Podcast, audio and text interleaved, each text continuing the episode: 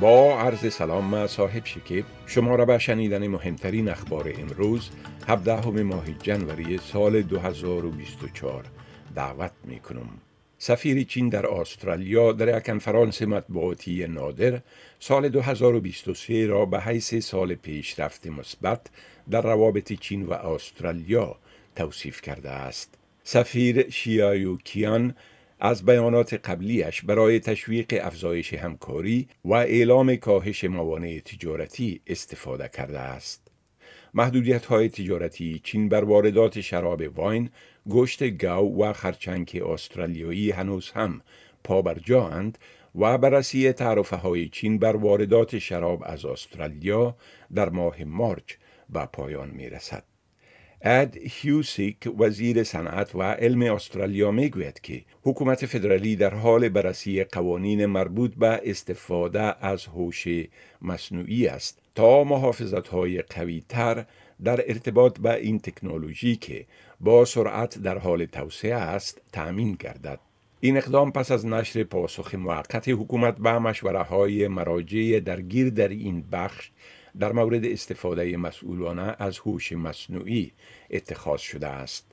مقررات استفاده از هوش مصنوعی تدابیر محافظتی اجباری را برای استفاده از آن در صنایع پرخطر مورد اجرا قرار خواهد داد.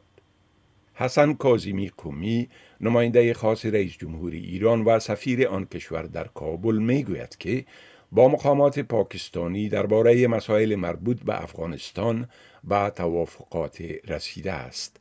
آقای کازیمی قومی در سفر به اسلام آباد با جلیل عباس جیلانی وزیر خارجه حکومت سرپرست پاکستان و آصف علی خان درانی نماینده خاص پاکستان در امور افغانستان و مقامات دیگر آن کشور مذاکرات انجام داده است. او گفته که در این ملاقات ها تاکید گردید که صلح و ثبات منطقه به صلح و ثبات در افغانستان بستگی دارد و علاوه کرد که بر تشکیل یک هسته اصلی تماس منطقوی برای افغانستان به شرکت کشورهای همسایه و ارائه مجموعه از پیشنهادات سازنده به حکومت سرپرست افغانستان توافق صورت گرفت. هنز یاکوب شندلر یک متخصص امور مبارزه با مواد مخدر گفته است که با وجود کاهش واضح کشت کوکنار و تولید تریاک در افغانستان تولید ماده مخدر متامفتامین که اواید بیشتر دارد در آن کشور افزایش یافته است. آقای شندلر در مصاحبه با صدای امریکا گفته که طالبان تلاش دارند با کاهش تولید مواد مخدر حمایت جهان را کسب کرده و مشروعیت یابند اما علاوه کرده که تاوان بزرگ را دهقانان افغان می پردازند که با خشکسالی و مشکلات اقتصادی روبرو هستند.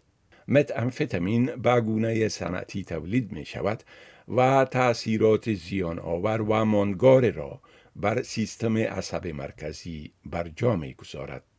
در حالی که شوراهای محلی مختلف در سراسر استرالیا برای تغییر تاریخ برگزاری روز ملی استرالیا اقدامات می کنند بحث در مورد این مسئله همچنان ادامه دارد.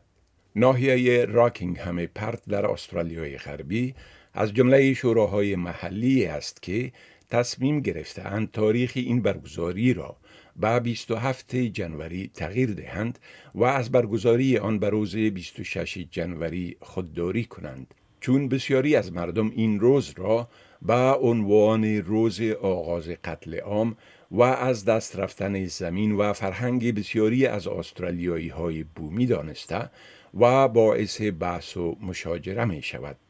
پس از آن که استرالیایی ها ده ها هزار دلار را در اثر فریبکاری ها از دست دادند، شرکت مخابراتی میدین به خاطر عدم رعایت مقررات جریمه شده است.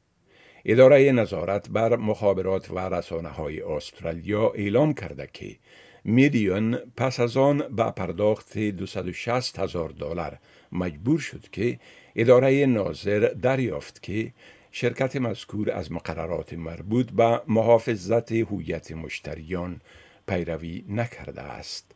در نتیجه این خلافورزی سیم کارت های نو مشتری به صورت غیرقانونی تعویض شده و پنج نفرشان به صورت مجموعی بیش از 160 هزار دلار ضرر کردند. این بود خلاصه ای از مهمترین اخبار از برنامه دری اسپیس آدیو.